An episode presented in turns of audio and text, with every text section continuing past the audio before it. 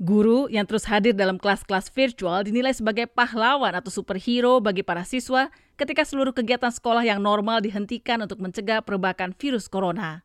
Tetapi di Bolivia, seorang guru benar-benar menjadi superhero dalam arti lain. Jorge Manolo Villarroel setiap hari tampil sebagai sosok pahlawan. Kadang ia menjadi Spider-Man, sesekali menjadi Flash Gordon, tak jarang ia menjadi Green Lantern, tokoh dalam buku komik. Hola, hola, aquí su profesor Flash. Buen día, ¿cómo están? Bueno, buenos días. Dios te pido por las familias que tienen coronavirus y que...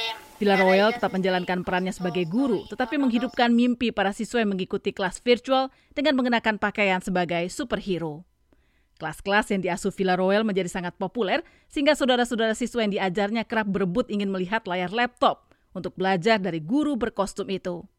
Mereka kerap menawarkan bantuan untuk mengajar. La importancia de las clases virtuales ha sido Mereka sudah siap mengikuti kelas virtual sebelum saya hadir, dan kejutan pertama adalah menebak pahlawan apa yang akan tampil di layar. Pada usia 33 tahun, Villarroel bicara dengan semangat seperti seorang anak-anak. Ruang di mana ia memberi pelajaran secara virtual dipenuhi dengan topeng dan kostum tokoh-tokoh pahlawan bersama dengan foto Yesus, beberapa malaikat Katolik, tokoh revolusioner Che Guevara, dan kedua orang tuanya. Villarroel yang tinggal di pemukiman miskin di kota Bolivia mengajar seni di sekolah Katolik San Ignacio di sebuah daerah yang makmur. Ahora hemos entrado los maestros al mundo de los estudiantes, no los estudiantes a nuestro mundo. Selama bertahun-tahun, mereka telah memasuki dunia orang dewasa. Kini saatnya bagi kita membuka diri pada dunia mereka dengan berdialog. Ketika mereka bicara, mereka bisa membatasi diri. Tetapi ketika pembicaraan ini berkembang, mereka yang menjadi guru dan menunjukkan pada saya aplikasi-aplikasi ini. Banyak sekolah, terutama sekolah-sekolah swasta seperti di mana Villarroel mengajar, telah mengadakan kelas virtual sejak Maret lalu.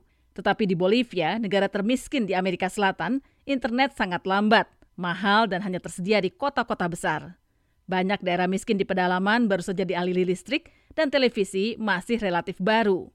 Sebagian keluhan terhadap kebijakan kelas virtual adalah karena hanya tersedia bagi orang yang mampu membeli komputer atau telepon seluler. Ini semakin memperparah jurang kesenjangan di antara kelompok kaya dan miskin yang memang sudah sangat lebar. Saya Famas Reva, VOA, Washington.